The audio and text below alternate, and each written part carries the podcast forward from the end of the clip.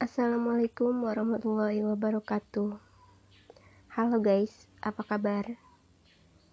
Semoga kalian semua baik-baik aja ya. Um, udah lama banget aku nggak upload podcast.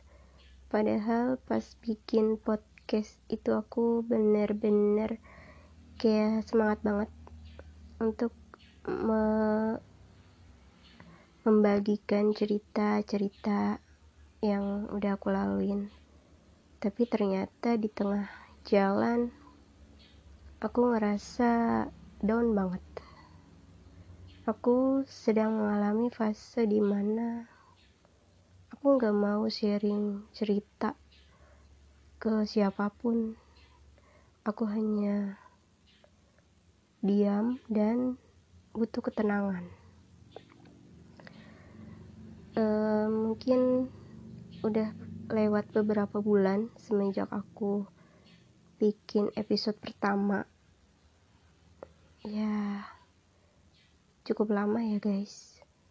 Tapi untuk episode kedua ini aku hanya ingin sharing kenapa aku nggak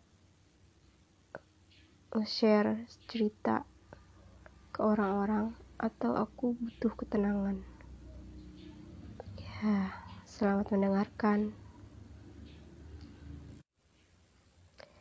Jadi beberapa bulan yang lalu aku mengalami fase di mana aku butuh menangis waktu yang berlalu begitu cepat. Aku ngerasa kenapa secepat itu?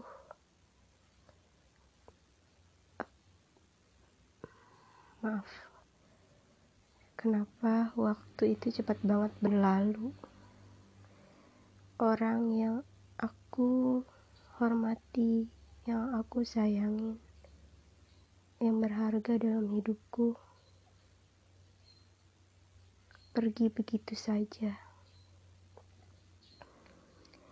Ya, tepatnya di bulan Februari. Sosok yang membuat aku semangat untuk hidup pergi ke pangkuan ilahi. Itulah yang membuat aku aku mengalami fase down. Aku tidak mau terlihat sedih di depan orang tapi di dalam hati aku ini sangat hancur. Kalian pernah kan ngalamin? Atau jangan sampai ngalamin ya kayak aku ini karena hari-hari setelah ini sangat berat aku laluin. Dan kalian tahu, aku sekarang berdiri kuat karena aku sengaja melampiaskan kesedihan aku demi orang-orang yang masih menginginkan aku untuk kuat. Bisa dibilang aku hidup untuk mereka dan untuk Tuhanku. Bisa dibilang aku sekarang bahagia atau sedih sih mungkin orang melihatnya aku sudah bangkit bahagia tapi tidak semudah itu bahkan setelah kepergian beliau di 40 hari atau di sebulan terakhir aku selalu menangis di malam hari. Gak ada yang tahu aku nangis. Aku nangis dalam diam.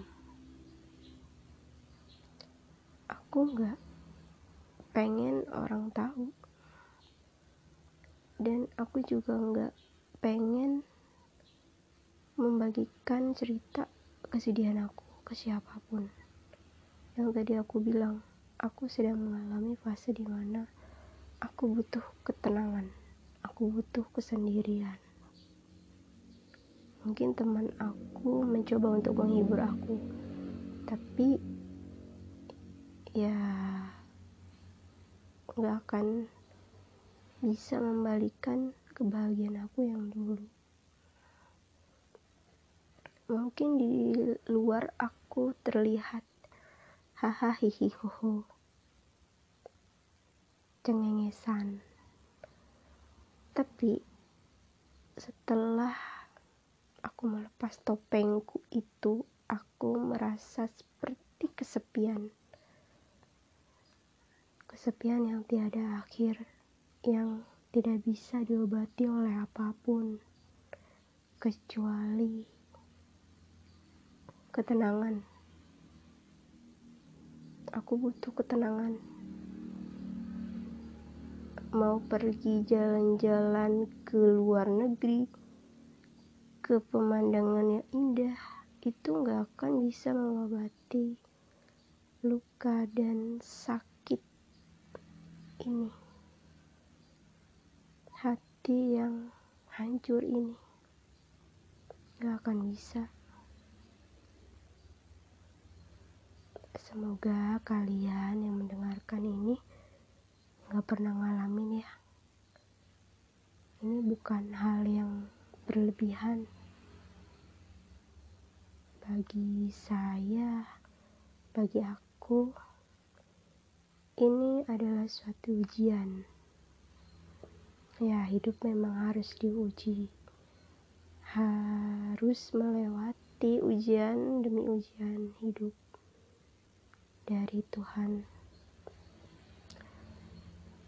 Lalu, bagaimana kehidupan ke depannya? Apakah masih ada ujian yang lebih berat atau lebih ringan? Terserah Tuhan. Aku pasrah. Aku ikut apa yang kamu atur semuanya. Hidup ini hanyalah milik Tuhan. Kita manusia tidak berhak mengatur atau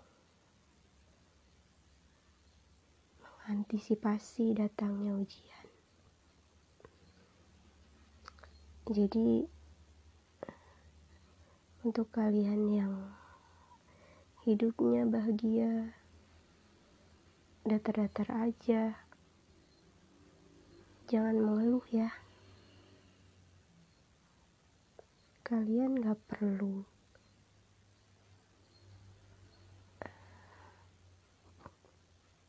gak perlu berkeinginan untuk mendapatkan ujian. Kalian cukup bersyukur atas apa yang udah kalian miliki. Walaupun hidup kalian datar-datar aja nggak ada yang asik atau kayak gimana. Kalian bersyukur aja. Jangan ngerasa Tuhan gak sayang. Pokoknya kalian harus bersyukur. Itu intinya. Dan bagaimana dengan aku? Apakah aku tidak bersyukur? No. Justru aku masih kuat dan berdiri. Saat ini adalah aku bersyukur. Setelah kepergian seseorang yang sangat aku cintai, aku tidak bisa mengendalikan diri aku sendiri. Mungkin aku kehilangan arah, tapi ada fase di mana aku harus bisa melampiaskan itu semua demi hidup aku ke depannya. Dan inilah yang terjadi sekarang. Dua minggu setelah aku merasa hancur, dua minggu setelahnya itu aku mendapatkan sebuah pekerjaan. Dan mungkin hitungannya sekarang sudah bulan eh dua bulan aku bekerja di suatu perusahaan. Dan itu semua apa itu semua adalah pelampiasan. Agar aku tidak merasakan kesepian sakit dan hancur lagi.